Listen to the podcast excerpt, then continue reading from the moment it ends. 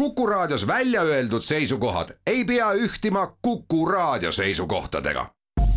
Te kuulate Kuku Raadiot. ja nüüd kohe algab Juku Raadio. Juku-Kalle Raidi köögilaua taha ongi juba kogunenud kõikvõimalikud spetsialistid ja muidu toredad inimesed. tore, et sina ka tulla said. häid mõtteid toob Juku Raadiosse Postimehe kirjastus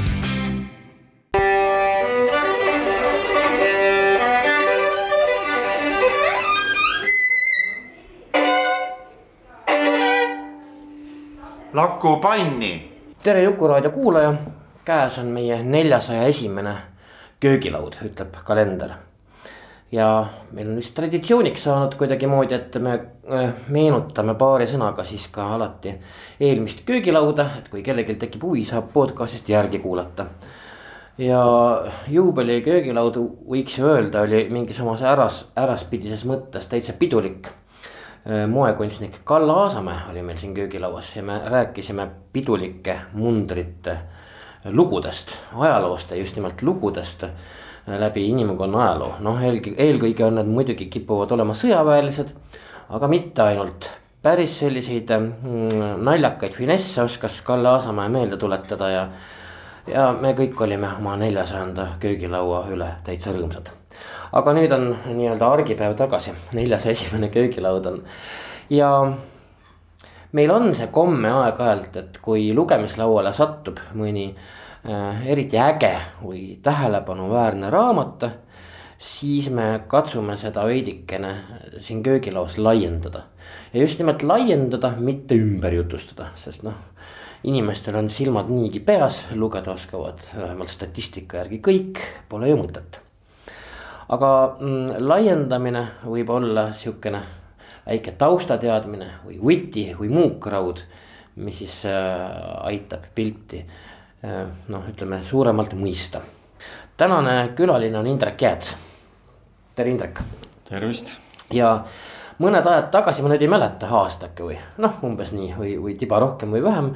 olid sa siin ja siis me olime sinu kui rännumehega parasjagu Aafrikas. aga sedapuhku me võtame, võtame ette äh, väga kauge, kauge ja kauge ida. ja sina andsid just välja, noh, tõesti just äsja enam-vähem äh, noh, ütleme mõne kuu loksega siin. Äh, Maak Amuril, see on ühe ekspeditsiooni lugu me räägime mm, üheksateistkümnenda sajandi siis teisest poolest, napilt teisest poolest. ja miks see mm, maak on meile ikkagi jätkuvalt huvipakkuv sellepärast, et me võime ju öelda, et tegemist oli inimesega, kellel on Saaremaa juured, no väikerahvale väga kombekohane. me songime alati kõik inimesed välja, kes on kusagilt meie naabrusest pärit, eriti kes on jõudnud kas vaimselt või füüsiliselt väga kaugele, no Maak tegi seda mõlemat. nojah, ta sündis Kuressaares aastal tuhat kaheksasada kakskümmend viis. isa poolt oli tegelikult nii-öelda noh, tollal ei olnud veel riigisaksat, Saksamaa ei olnud veel ühinenud. isa oli tal Hamburgist pärit. aga ema poolt oli ta kohalike Balti aadlike suguvõsadega seotud, fondollidega näiteks. nii et jah, ta oli, võib öelda, Balti sakslane isa oli tal äh, politseimeister või noh, et, et ütleme, töötas Saare politseis nagu, äh, nagu sinu raamatust ilmneb ja tema ise siis õppis Peterburi ülikoolis. Jah, see oli küllaltki suur pere seal Kuressaares tal oli kuus, seitse, kaheksa venda-õde, põhiliselt vendasid. ja ilmselt nad ei olnud eriti jõukad, nagu tuleb kaudsetest allikatest välja. noh, nad olid ikkagi, eks ole, kuulusid sinna kohalikku eliiti, aga see ei pruukinud kindlasti tähendada, eks ole, et nad olid meeletult jõukad. tõenäoliselt, no neid allikaid oli napilt, aga tõenäoliselt olid tal mingid sugulased Peterburis ja ta saadeti siis küllaltki varakult Peterburi kooli ja elas siis tõenäoliselt sugulaste juures lõpetas seal siis gümnaasiumi kõigepealt ja siis läks edasi Peterburi ülikooli. et ta on selles mõttes erandlik Balti-Saksa nende maadeuurijate seas, et ta ei ole Tartu Ülikooliga, ta ei ole praktiliselt mingit seost. ta ei ole seal õppinud ega õpetanud. no tutvuseid tal muidugi oli Tartus. aga siis ühesõnaga lõpetas selle Peterburi ülikooli ära loodusteaduste alal. ja siis ta sai suunamise, noh, siin tuleb jälle see, võib-olla see tema nii-öelda vaesus või noh, suhteline vaesus mängu, eks ole, ta sai suunamise Ida-Siberisse. ta oli sunnitud tegelikult, ta oli sunnitud minema, me ju me ju ei teagi, kas, kui suure hurraaga ta ise seda oleks teinud, aga ta sai just nimelt suunamise nojah, seda me täpselt ei tea, ausalt öeldes nendest tema õpinguaastatest ja asjaoludest on suhteliselt vähe teada. ma üritasin ju kõik, mis võimalik nagu tema kohta läbi kammida. Aga ikkagi jäävad nagu valged laigud sisse või siuksed kohad, mis tuleb nagu oletustega täita.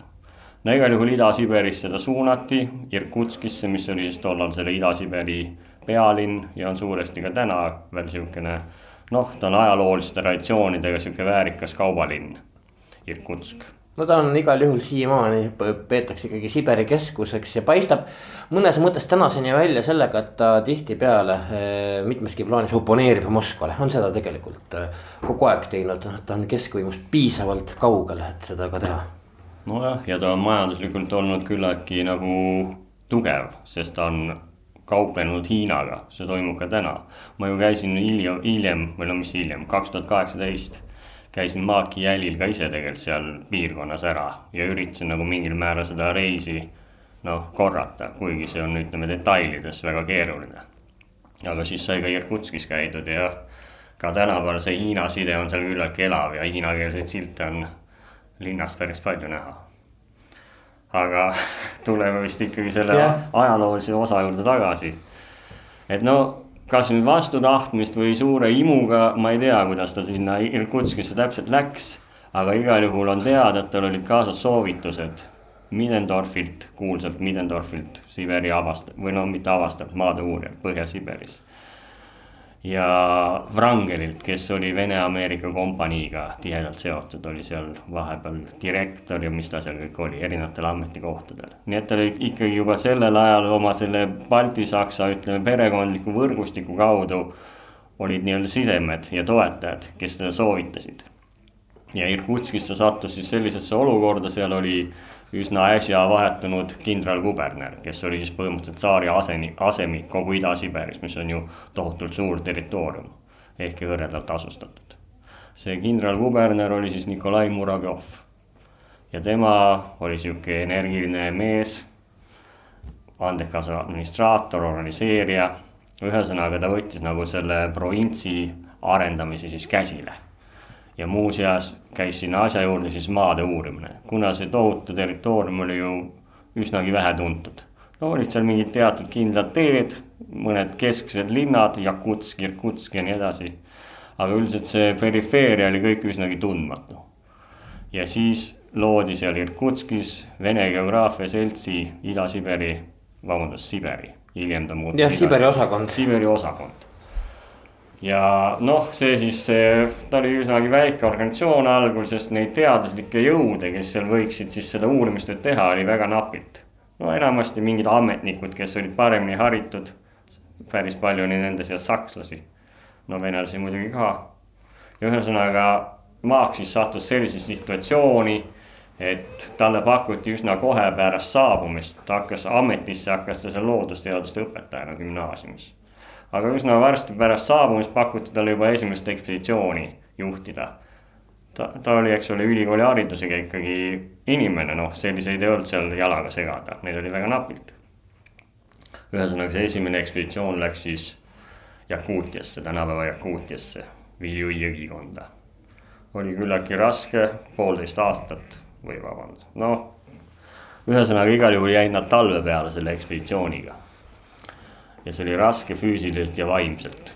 ja siis, kui ta sealt tagasi tuli ja Irkutskisse, siis kohe tegelikult mõne nädala möödus, mis tollastes oludes oli ju viir, hirm kiire pakuti talle juba uut ekspeditsiooni ja see on nüüd siis see Amuri ekspeditsioon. tuhat kaheksasada viiskümmend viis aprill on see. ja, millest see raamat räägib. jah, ja see on siis tema päevikul põhinev äh, teos, eks ole, just, et sa oled äh, päeviku toeks võtnud ja, ja põhimõtteliselt tegelikult selle äh, lahti jutustanud, selle päeviku. no see pidi olema siis ikkagi noh, uhkusega nimetati esimene teaduslik Amuri ekspeditsioon, noh, et tuleb uurida Amuri jõe vasakut kallast ja.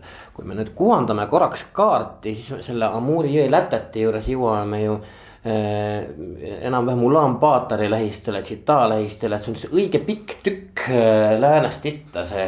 see, mm, need Amuri lisajõed, siis mis selle Amuri jõega täiesti Kaug-Idasse lõpevad mm,. vasak kallas, palju sellest, sa mainisid, et sellest oli vähe teada, aga kes seal parasjagu elasid ja toimetasid, rääkimata noh, muidugi lisaks metsikule loodusele.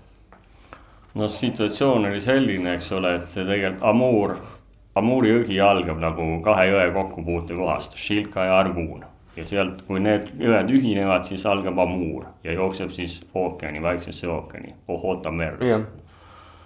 et see tegelikult, see territoorium tollal ametlikult kuulus Hiinale nii et venelastel ei olnud seal nagu üldse mingit asja, noh. Hiina keisri loal ütleme teoreetiliselt oleks nad võinud seal matkata ja uurida, aga sellist luba neil ei olnud. aga no sellesama Muravjovi eestvõttel siis oli tollal käimas Amuri, Amurimaa ühendamine Venemaaga või no nagu venelased ütlesid, taasühendamine, sest seal olid omad ajaloolised sellised pidepunktid, millele nad toetusid. no venelastel on alati taasühendamine emamaaga, alati on taasühendamine seitsmeteistkümnendal sajandil olid seal käinud kasakad rüüstamas põhimõtteliselt ja, ja noh, mingeid tugipunkte selle rajanud, hiljem hiinlased surusid nad sealt välja. aga nüüd oli siis uuesti Hiina nõrgenenud üheksateistkümnenda sajandi keskpaigaks ja Venemaa pressis uuesti peale. ja see Amuri jõgi oli neile sellepärast oluline, et see oli siis nagu ütleme väljapääs sellest Ida-Siberist merele, ookeanile sest Siberis on ju selline olukord, et kõik suured jõed, mis seal on, voolavad lõunast põhja. just nimelt. voolavad Põhja-Jäämerre, millega nagu noh, laevanduslikus mõttes. Polnud eriti midagi ja, peale hakata suure osa aastast. ja no nüüd seal on ütleme hakanud sulama ja uuesti hakatakse sellest veeteest rääkima, aga no tollal ei olnud sellel nagu mingit mõtet, sest see oli kõik jääs, sisuliselt aastariik mm. -hmm. nojah, Amur oli siis nagu ainuke selline väljapääs sellest tohutu suurest, eks ole kontinentaalsest lahmakast, eks ole, merele ja loodeti, et sellest saab siis see sihuke kaubatee, magistraal, mida mööda laevad võivad edasi-tagasi kursseerida. ja no üks asi, mida see maak sinna uurima läks, oligi see veetee. ta oli teadlastest jah, põhimõtteliselt nagu esimene. eelmisel aastal, see oli siis tuhande kaheksasaja viiekümne neljandal, oli tegelikult tehtud juba üks selline sõjaväeline ekspeditsioon Muravjovi endaga eesotsas. oli jaetud siis kokku mingi kolm, nelikümmend paati ja pargast ja sihukest, mis sealt kätte saadi. ja sõideti siis nendega allavoolu kuni ookeanini välja. no see oli siis ka Hiina nii-öelda võimude meelehärmiks, aga kuna nad olid nõrgad, neil olid seal siseprobleemid, mässud seal mhm. lõunapoolsetes mm -hmm. provintsides, siis Hiina ei hakanud neid takistama. ta küll seal noh, protesteeris kergelt, pani kirja, mis toimub, aga otseselt takistama ta ei hakanud ja samamoodi oli ka Maaki ajal, sellel Maaki rännaku aastal Hiina jälgis, pani kirja, aga ta ei takistanud kuidagi otseselt. no ütleme, Maaki ekspeditsiooni võib äh, erinevalt siis kahe tuhande kaheksasaja viiekümne neljanda aasta sõjaväelise kallakuga ekspeditsioonist liigitada ju ka ütleme rahumeelseks teaduslikuks ekspeditsiooniks, et noh. tema ülesanne oli ka seal ikkagi floorat uurida ja noh, muidugi laevateed ka. aga noh, põhimõtteliselt kaardistada seda kogu seda asja nojah, see oli nii, et algselt, ta ühesõnaga temal oli siis väike teadlastrühm, ütleme kolm-neli-viis inimest, keda tema siis juhtis. osa sellest Amuri maast, Amuri jõest, nad läbisid tegelikult uue sõjaväelise ekspeditsiooni koosseisus. no see oli siis see nii-öelda osa, mida peeti nagu kõige ohtlikumaks Hiina nagu noh, kui Hiina poole vaadati. no mis Hiinat võinuks nagu, kõige rohkem ärritada, eks. kus oli kõige rohkem Hiina mingeid väeosasid ja asustust ja, ja linnasid väikseid aga edasi lasti ta siis nii-öelda oma pead, sõjaväe ekspeditsioon läks kiirmarsil nii-öelda või mitte marsil, vaid ujusid. noh, laevadega käis see kõik ujusid tagasi. no vene keeles on plavanje ehk ujumine, noh sõideti laev, paatidega, laevadega. aga siis maak lasti nagu nii-öelda vabakäigule ja siis ta paari paadiga ja oma selle väikse meeskonnaga, siis no neile anti mõned kasakad abiks. no nii-öelda tööjõuks, sõudjateks, lõkkemeistriteks, tassijateks ja nii siis ta jah, mõned, no kuude kaupa ikka reisis ta kõigepealt allavoolu. kuni seal on üks Mariinski post või Mariinski valvepost, üks sõjaväeline asundus, mis seal Alam Amuril oli tekkinud juba. ja hiljem ta siis tuli ülesvoolu tagasi, ka paatidega, aga no siis ei olnud võimalik enamasti sõuda, vaid nad, neid paate tiriti nagu kaldalt kaldalt, ja jah. no nagu purlakid Volgal jah, nagu, kuulus kuulus maal, niiviisi tiriti ka neid maagipaate siis ülesvoolu. Nii et ta käis selle territooriumi tegelikult suure osa Muuri jõest nagu kaks korda läbi, algul allavoolu ja pärast ülesvoolu. ja ta nägi seal kõik aastaajad ära, ta alustas, eks ole, varakevadel, aprill on seal varakevad ja tagasi jõudis järgmise aasta jaanuariks. Klimaatiliselt see ei ole kõige, kõige meeldivam koht, kui me lihtsalt puhtalt füüsilise mugavuse seisukohalt võtame kogu see äh, Muuri äh, jõgi ja jõgikond. Nojah, seal on erinevad väljakutsed, selles mõttes see on ju tohutult suur, see on kolm-neli tuhat kilomeetrit on see, mis ta läbis. ja seal on erinevad siis noh, seal on sihukest kontinentaalset Ida-Siberi kliimat, karmid talved, kuumad, kuivad suved. aga siis see kõige lõunapoolsem osa Muurimaast, see on tegelikult ju lähistroopika, seal kasvavad viinamarjad, korgitammed ja sellised asjad. ja ole. siin oma päevikust on märkinud ka, et, et ta räägib viinamarja, viinamarjadest ja viinamarjasaagist, eks ole. nojah, seal oli, suvel oli seal väga palav, seal oli kohutavalt sääski, seal sajab väga palju vihma suvel. aga no vastavalt siis jälle sügis saabub küllaltki varakult, tagasi tulles oli ta hädas, jõgi hakkas jäätuma ja nad jäid oma paatidega nagu hätta. ja siis pidid nad lõpuks hiinlastelt ikkagi abi paluma. Mida nad ka said, aga no see oli nagu siukse häbi, häbiasi tegelikult No tema jaoks kui me räägime toonasest kohalikust elas, elanikkonnast seal jõgikonnas Amuri jõe kallastel. siis kes need olid, nad olid tegelikult igas mõttes, ükskõik, kas sa võtad Hiina mõttes või ka noh, Venemaa mõ- mõttes eriti. oli see ju mm, puhas perifeeria, ikkagi täiesti puhas perifeeria. jah, ta oli kuulunud Hiinale ju sajandeid, aga tegelikult Hiina administratsioon oli seal väga nõrk. seal elasid hõredalt väikesed Amuri rahvad. Noh, nanaid põhiliselt ja nende erinevad rühmitised siis tollal ei olnud nagu seda sihukest arusaama. Need rahvad on hiljem ümber nagu rühmitatud korduvalt. ja et, et kuhu keelkonda keegi kuulub ka, et, et Ja- kes, kes ütleme- täpselt on, jah. millised rühmad seal kuuluvad kokku, moodustavad ühe rahva, millised on, ütleme, nende naabrid, aga keeleliselt lähedased, noh, selle üle on etnograafid palju arutanud ja siin on muutusi olnud. aga jah, see ala oli siis põhimõtteliselt hõredalt asustatud väikeste põlisrahvastega. Ja Hiina no kontrollis seda nii palju, eks ole, et ütleme paar korda aastas või ka korra aastas saadeti siis mingi kaupmeeste ametnike laev, kes kogus siis makse. no nii-öelda vägivallaga pooleks mm, -hmm. pressis sealt välja mingisuguseid altkäemakse või noh, nihuke oli, see oli korruptsiooni oli selles palju seal. ja nüüd tulid siis venelased, kes hakkasid seda Amuri üle lööma, just seda veeteed ja seda, seda osa, mis jäi sinna Amurimaast siis või Amuri jõest põhja poole ja need selleks ajaks olid juba rajatud mõned sõjaväelised tugipunktid sinna, noh, teatud vahemaade tagant.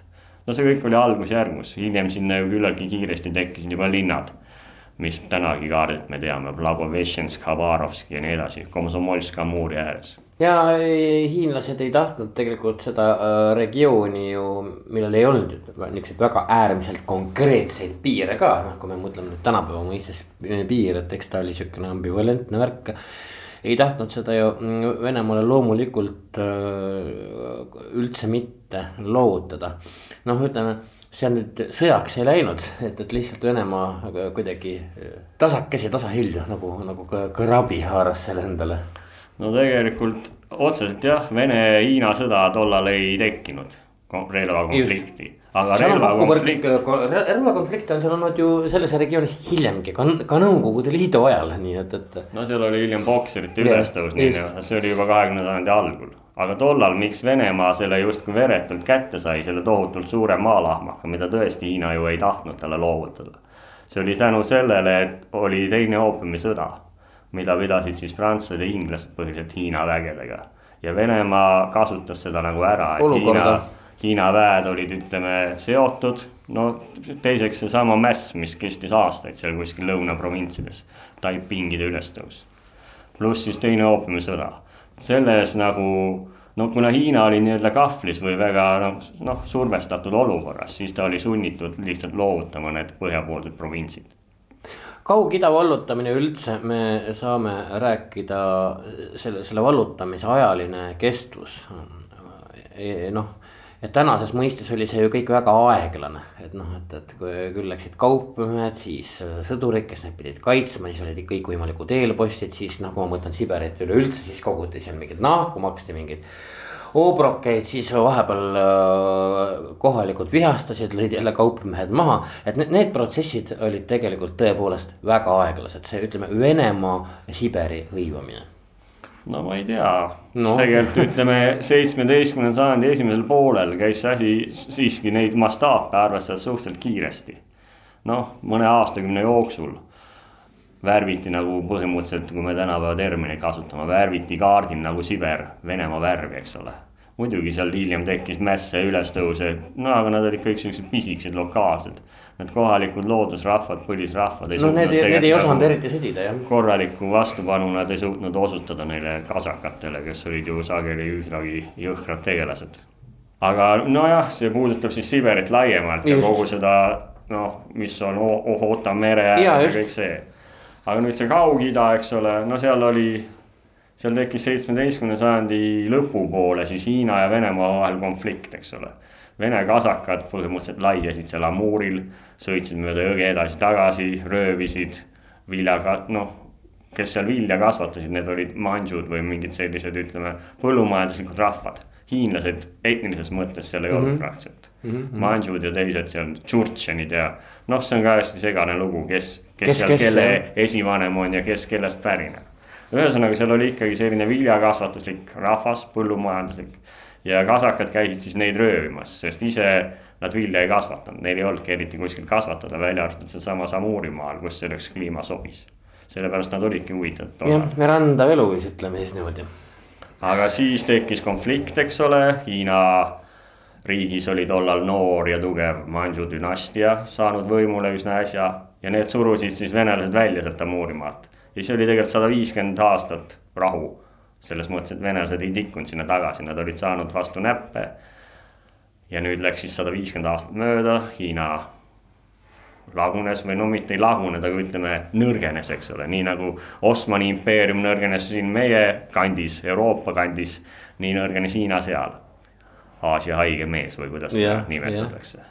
nojah, ja siis jah, venelased kasutasid juhust ja jällegi haarasid need provintsid, mis on ju tänini nende käes jah, ma lihtsalt Siberist laiemalt tahtsin rääkida, et, et noh, see on muidugi üks lai teema, me siin mm, katsume edaspidi nüüd korraks ikkagi või jääda Amuri juurde.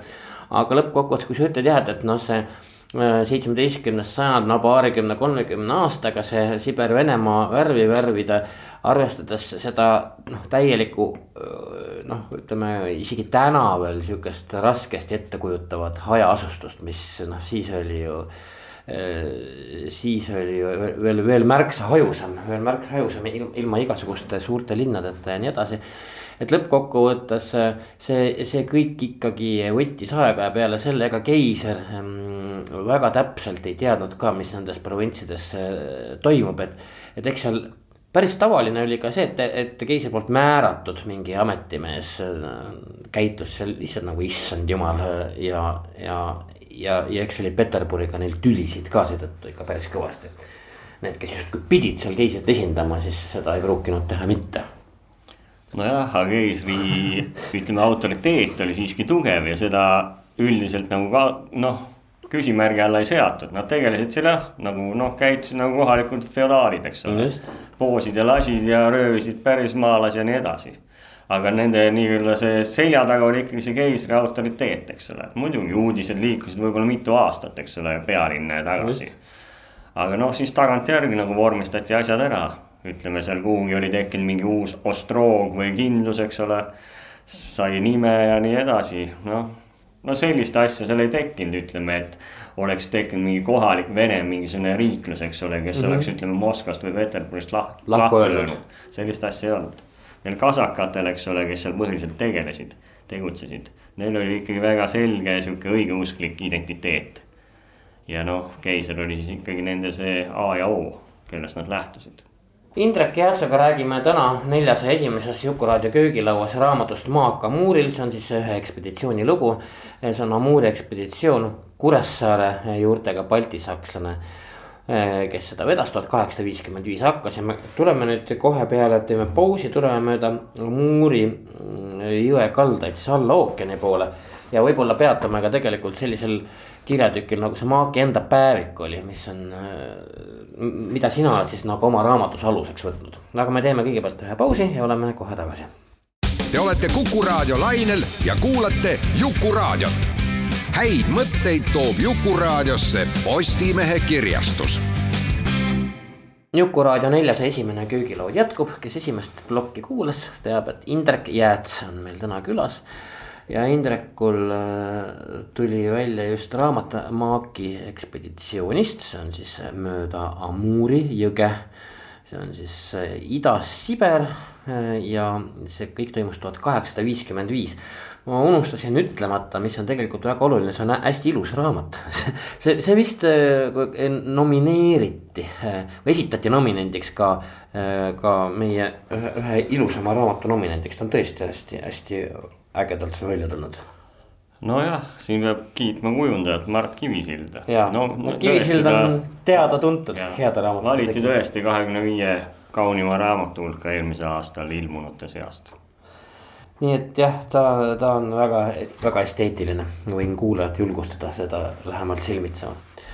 aga me natukene jõudsime Amurimaast ja, ja Hiina-Vene suhetest üldisemalt pajatada, mis aga mind väga huvitab, on siis ütleme selle sinu raamatu mm, alustekst või õigemini noh, nagu iga selline eh, teaduslik ekspeditsioon, ka Maak pidas ju, meie jah, Saaremaa Balti-Saksa juurtega Maak pidas, see oli päevikut. ja, ja ma arvan, et hästi paljud sellised eelteismelised või teismelised äh, tegelased on ju. Neil meil kõigil on olnud sihukene periood, kus me armastame kohutavalt siis selliste äh, Äh, ekspeditsiooni, reisi kirja, kirjandust, kirjeldusi, mis toovad kaasa igasugu ootamatuid, ootamatusi, võõraid paiku ja nii edasi ja nii edasi, noh. ja kunagi hiljem tuleb ikka üllatusena, et enamasti on nad äh, kirjanduslikult täiesti ümber jutustatud ja tihtipeale ei ole siis kuulsatel ekspeditsioonidel isegi päevikuid aluseks võetud. no siin on muidugi ka erandeid, aga, aga mis jäävad siis omas, omas, oma ajastu keelde ja arusaamadus, arusaamadesse väga kinni nagu noh, Marco Polo reiside erinevad variandid ja. ja mida on ikkagi täitsa naljakas lugeda. aga nüüd äh, sa oled läbi töötanud need maagipäevikud. vot see üheksateistkümnenda sajandi enam-vähem keskpaik, noh mõned aastad üle keskpaiga. Äh, need kirjatükid on kindlasti äärmiselt põnevad, et võib-olla sa natukene seletad lahti, millele see Maaks seal siis tähelepanu pööras ja mismoodi need tema päevikud välja nägid, lugeda on no,? ma pean veidi õiendama siin asja selles no. mõttes, et ma ei saanud kahjuks toetuda otse tema päevikutele, sest need ei ole ilmselt säilinud. päevikut ta kindlasti pidas ja ta tegi seda saksa keeles. kuigi see oli, eks ole, Vene ekspeditsioon yeah., aga ta oli saksa päritolu ja ta oli tegelikult ilmselt surmani oli tema esimeseks keeleks saksa keel. aga need päevikud on kaotsi läinud ja arvatavasti põlesid nad ära. tuhande kaheksasada seitsekümmend üheksal aastal oli Irkutskis tohutu tulekahju, mingi kolmandik linna põles maha. ja siis põlesid ilmselt ka maakipäevikud ära koos selle Siberi osakonna, kogu maja põles maha, kogud sealhulgas aga no selle raamatu ta avaldas juba varem, see Just. minu raamat põhineb siis põhimõtteliselt tema, tema raamatul. ja oma raamatus, eks ole, toetus siis oma päevikutele. nii et selles mõttes ta on juba nagu noh, ma ei tea, mis ta seal päris päevikutes, eks ole, võis kirjutada. no eks raamat oli juba kokkuvõte neist niikuinii. jah, ei no ta on siiski, ütleme see, mis mind selle tema raamatu, ta avaldas siis tuhat kaheksasada viiskümmend üheksa, küllalt kiiresti pärast ekspeditsiooni. avaldas ta noh, umbes viiesaja leheküljelise venekeelse raamatu Reis Amurile, Putishestvina Amur. ja seal on siis üle kolmesaja lehekülje sellest raamatust võtab enda alla see reisi selline detailne ülevaade päevade kaupa. ja mina lähtun siis sellest tema ülevaatest, sest see raamat, meil minu raamat on ka ehitatud samamoodi üles päevade kaupa. mis juhtus seal kahekümne teisel juunil, kahekümne kolmandal ja nii edasi aga jah, oleks väga huvitav olnud võrrelda seda tema saksakeelset originaalpäevikut selle tekstiga, mille ta avaldas. sest see raamat oli ju noh, suuresti oli see tellimustöö. ta jõudis sealt tagasi, sealt ekspeditsioonilt ja praktiliselt kohe mõne kuu möödudes saadeti ta, komandeeriti ta Peterburi pealinna. et ta seal kiiresti oma need kogutud andmed töötaks läbi teadlaste abiga, sest ta ise ei tulnud selle kõigega toime, seal olid ju kõik teadusalad korraga, putukad. kogud, tähed, kogud. hüdrograafia, etnograafia, zooloogia, kõik, mida tollal. noh, ekspeditsioonid olid interdistsiplinaarsed kõik tollal. ja ühesõnaga, tal oli siis ülesanne seda teha hästi kiiresti, talle anti algselt aasta ainult aega, mis oli täiesti ebarealistlik. hiljem seda pikendati aga siiski jah, küllalt kiiresti, mõne aastaga ta suutis siis selle käsikirja valmis teha ja see avaldati. küllaltki luksuslikus köites, see oli ikkagi nagu mingis mõttes nagu sõnum. et vot meie vene teadlane, ehkki saksa päritolu, aga see ei olnud tähtis. meie vene teadlane käis seal Amuurimaal. siin on teaduslikud andmed, eks ole, territooriumist, mis enne oli, noh Euroopa teadusele täiesti tundmatu tundmatu oli ta sellepärast, et ta kuulus Hiina riigi koosseisu, Hiina riik on tagurlik ja nõrk ja ta ei luba, eks ole, uurijaid sinna, aga nüüd me ikkagi. aga meie, meie keisririigi ekspeditsioon ikka käis. noh, Vene keisririik ju tollal tajus ennast nagu osana maailma tsivilisatsioonist, euroopalikust lääne tsivilisatsioonist.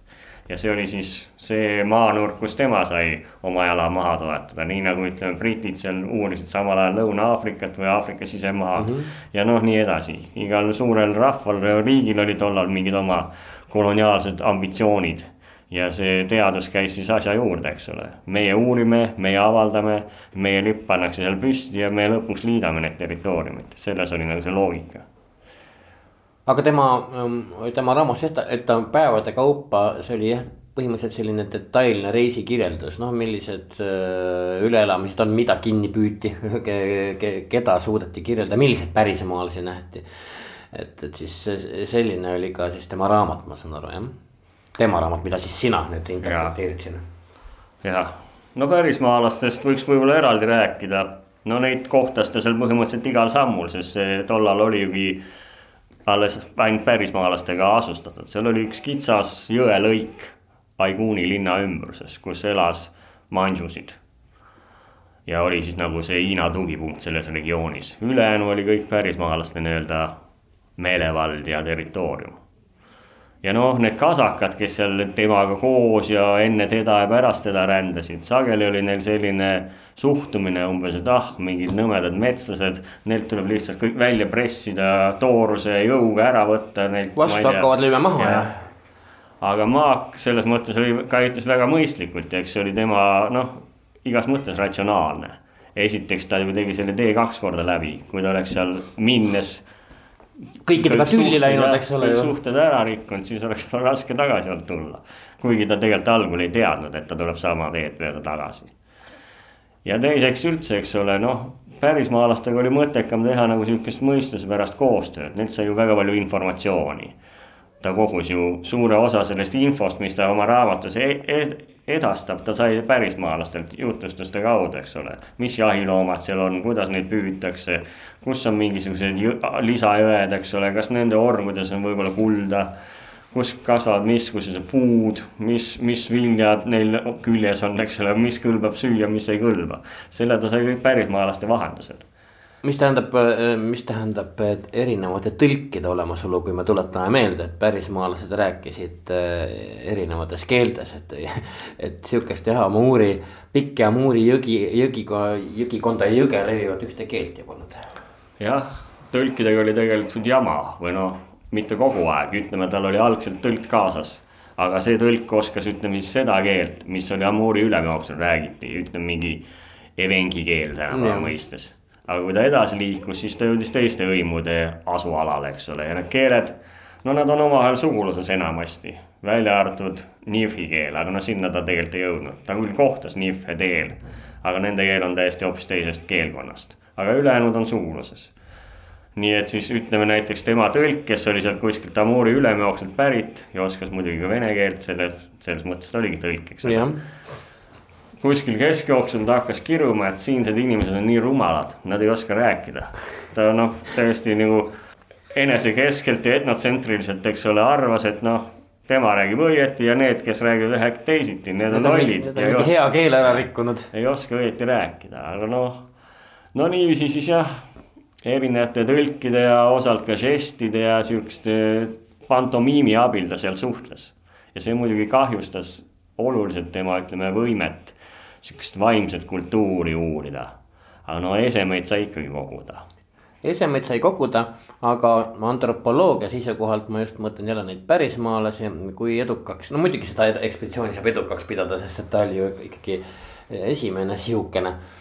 aga seal on see oht alati, et tõlkes kaduma läinud, et midagi mõistetakse täiesti vihuti tegelikult lõppkokkuvõttes, mis tuleb võib-olla aastakümnete või isegi kauem aja pärast välja nojah, mõnel juhul ta sai näiteks seal jälgida, meil nimetatakse osal-, osalusvaatluseks, eks ole, et ta noh, tagasiteel ta oli vist nädala ühe Evengi siis nagu Tares, see oli üks jõukam kohalik mees. ja ta elas siis seal, ta ootas tegelikult, et talle abi saadetakse, et ta sealt ära evakueeritakse oma kogudega, aga siis oli seal matus näiteks üks vana naine vist oli seal surnud. Mida ta sai kirjeldada? ja šamaan ei olnud parasjagu olnud, ta, teda hoiti siis mingi aeg ja nüüd tuli siis see šamaan sinna sellesse asulasse toimus matus. tema siis sai jälgida seda ja kirjeldab siis seda seal raamatus. aga jah, kui antropoloogiast rääkida, no muidugi seal, kuna sa keelt ei oska ja ta tegelikult ju rändas ainult läbi, siis see jäi selliseks esmaseks, eks ole. esmased tunnustus, tunnistused, mis ta sealt kogus ja esemed. Loomulikult oli see pealiskaudne, aga no samas see oli esimene, eks ole. temaga üsna samal ajal tegelikult rändas seal veel üks baltisakslane Leopold von Schrenk. ja tema oli kauem kohal, no ta ka põhimõtteliselt liikus ringi, aga ta oli siiski kauem kohal. ja tema suulest ilmus siis tegelikult palju hiljem. ta ilmselt ei pidanud poliitilistel põhjustel kiirustama oma raamatuga. ilmus noh, nagu need sakslased tegid, eks ole. Kolmas köide oli ise juba kolmest köitest koosnev. osast koosnev, eks ole, nii et kokku mingi üheksasada lehekülge näiteks siis, eks ole, sellest Amuri rahvaste etnograafiast. aga no tegelikult toet-, või no mitte ei toeta, aga ütleme, viitab tegelikult väga palju Maakile, noh, on nagu mingisuguses dialoogis Maakiga, ütleb võib-olla, et Maak ei saanud millestki õieti aru, aga ikkagi noh, tal on vähemalt mingi referents, millest lähtuda, eks ole, kellega rääkida et selles mõttes jah, kui nüüd kitsalt vaadata Amuri rahvaste etnoloogiat või antropoloogiat, siis Leopold von Schenk oleks võib-olla järgmine huvitav teema. aga no Maak tegi ka päris palju ära ikkagi, kuna ta oli esimene ja ta avaldas esimesena. see oli ka oluline, neil tekkis seal omavaheline konkurents, mitte ainult Schenkiga, vaid ka ühe äh, botaanikuga, Karl Maksimovitš, kes samuti Tartus hiljem õpetas et kes saab nüüd esimesena need taimenäidised, mis nad seal kogusid, nii-öelda avalikkuse ette tuua, kes on see esmaavastaja, uute liikide avastaja, eks ole. ja nimetaja, noh, Maksimovitšiga neil tekkis väike siukene rivaliteet ja see lahenes tegelikult Maksimovitši kasuks, seepärast et Maksimovitš oli rohkem haridust ja paremad sidemed Peterburis. aga noh, lõpuks sai ikka Maaka oma nii-öelda au, au kätte kui me räägime sellest samast antropoloogiast, etnoloogiast ja esemete kogumisest, no ja mis jutustavad ikkagi esemed üht koma teist ühest või teisest rahvast.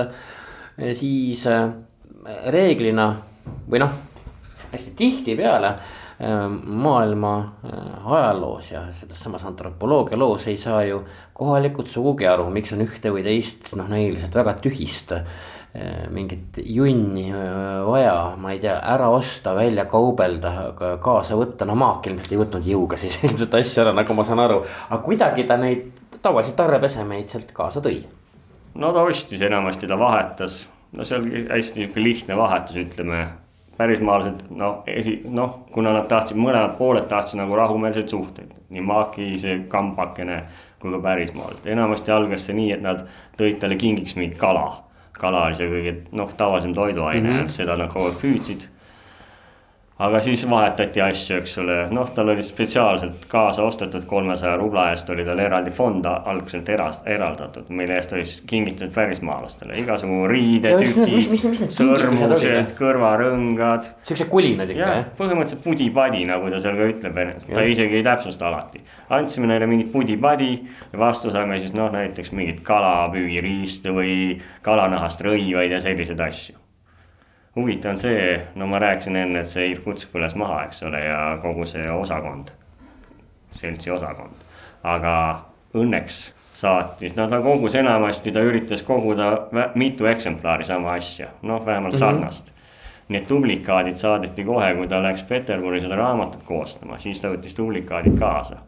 ja need jäid siis Peterburi need on praeguseni Peterburis kunstkaameras ma olen nagu saanud jälile, et need esemed on seal olemas, ma olen näinud nende nimekirju, aga esemeid ise endid ma veel näinud ei ole. aga nad on kusagil, kusagil luku taga kinni, neid pole ilmselt eksponeeritud.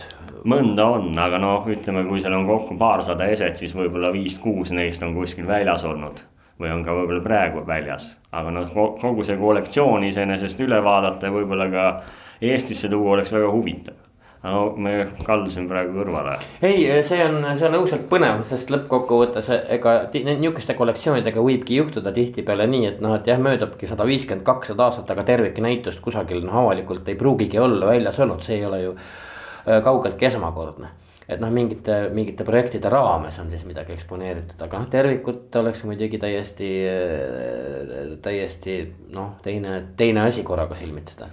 aga selle esemete juurest ma jõuan uuesti illustratsioonide juurde. et tegelikult noh, need illustratsioonid põhimõtteliselt nad pärinevad siis sellisest suurest pildimapist, mis käis selle Maaki raamatu juurde, nad olid eraldi. oli raamat ja see pildimapp suure formaadiline, nad käisid kokku, aga nad olid nagu füüsiliselt eraldi asjad ja meil siin Eestis on nad ka eraldi.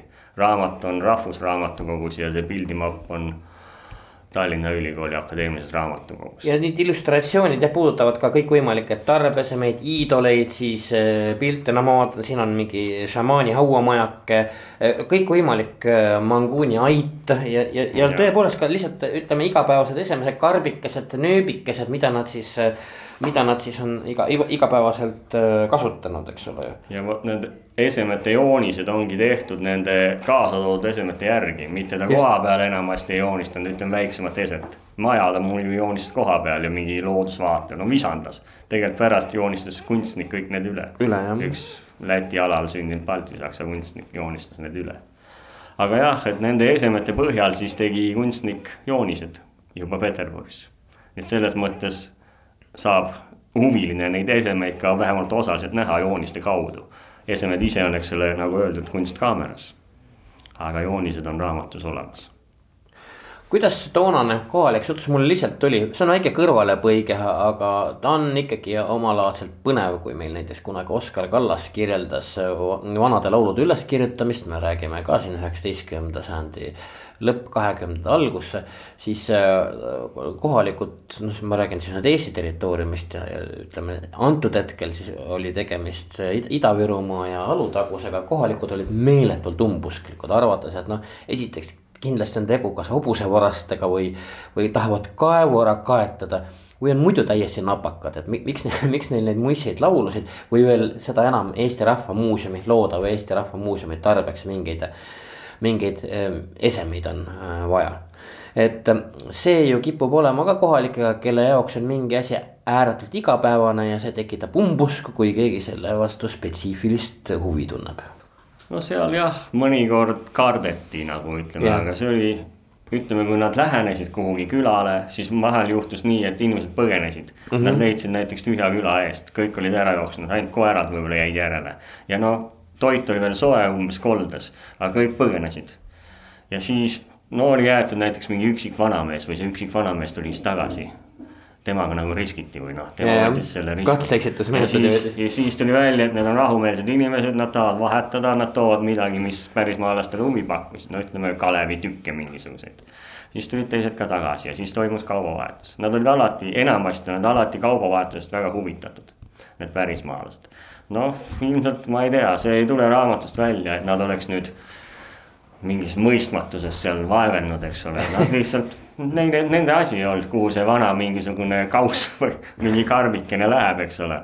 no mõnda asja nad ka ei loovutanud, seal on mõned kohad, kus ta tahab väikeseid iidoleid ühe mehe vöö pealt. aga ta ei loovuta neid, sest see on tema amulett, eks ole, ta ei saa seda ära anda. ükskõik, mida ta pakub, mees ei ole nõus.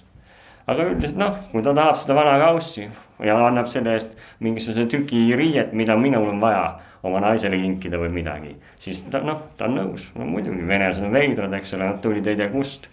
aga ma ei tea, nad ei esitanud vist selliseid küsimusi, et nagu ka Oskar Kallase puhul jah, kasvõi see Lutsi maarahv. ja Lutsi maarahvas oli teine asi jah, et, et, et see on jah, Oskar Kallas soovitan lihtsalt kirjastus ilmuma, soovitan Eesti mõtteloo sarjas lugeda. et see käsitleb sellist äh, rahvakultuuri äh, uurimise sellist, et ütleme noh, kentsakat või, või isegi naljakat poolt. mis ilmselt kogu jälle väga naljakas ei olnudki, sellepärast et nad ei saanud seal tihtilugu kohalikega lihtsalt hakkama.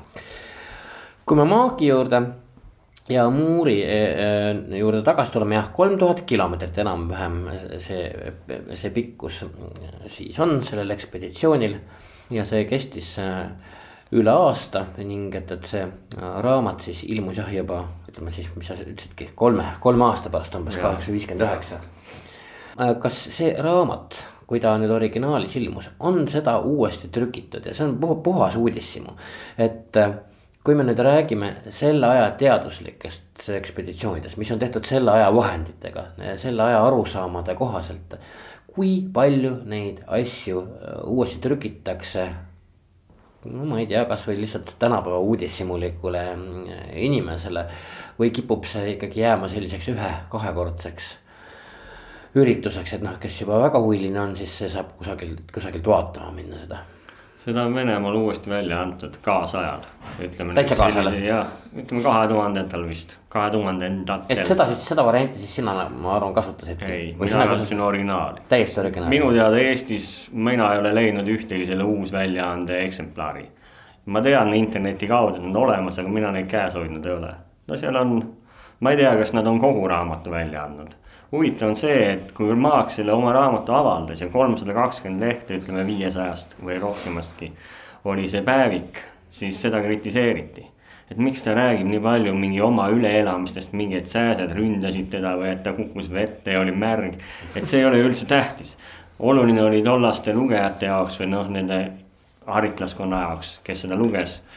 oli see nii-öelda teaduslik tulemus, see sihuke noh, kontsentraat, mis ta välja uuris ja tema raamatu lõpus on ka mõned siuksed lisad, kus ta siis toob nagu lühidalt välja, ütleme, missuguseid taimi ta kohtas, lühidalt, kus, mis asjaoludel, eks ole, noh, pildid seal mingil määral juures.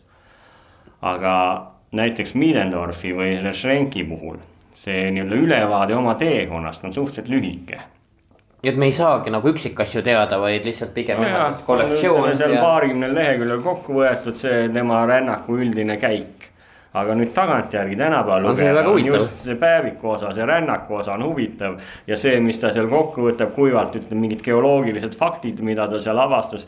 kus on kruus, kus on savi, eks ole. mida me teame lihtsalt. kus võib olla sütt noh, tollal oli see uudis ja see oli, ütleme, aktuaalne info, eks ole, maavarad olid ju üks asi, mida nad seal otsisid kui nad tahtsid seda jõge asustada, ütleme, hakata seal laevaliiklust korraldama, neil oli vaja sütt. üks asi, mida nad kindlasti otsisid, oli kuld ja teised väärismetallid. noh, aga meie nüüd teame, eks ole, tagantjärgi palju paremini seda, see ei ole meie, aga just see tollane rännak on see kõige võluvam osa sellest tema raamatust ja see on täiesti tõsi, see rännak äh, on, on tõesti võluv ja, ja, ja see möödunud aeg, eks ole ju annab väga ligi sada seitsekümmend aastat äh, hakkab täis tiksuma, et, et see annab ju mõnusa ajalise puhvri ja see on tõepoolest eh, nagu, nagu ajamasin. nii et sina, sinul, me siin peame selle köögilaua ära lõpetama, kaua sul, ma lihtsalt küsin täiesti lõpuks, et kaua sul selle asja koostamiseks nii nagu ma seda siin praegu käes hoian, aega läks.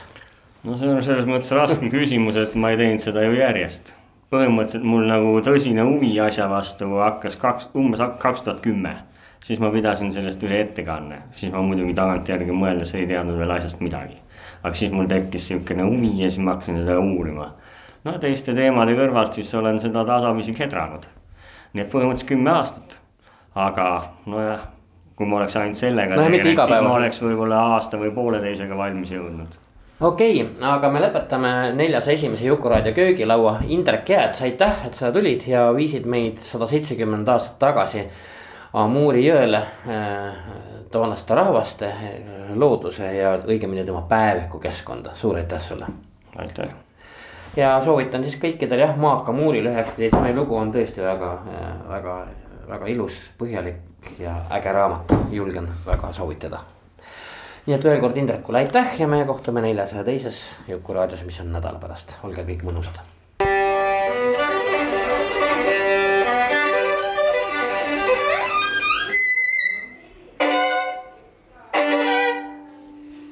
laku panni.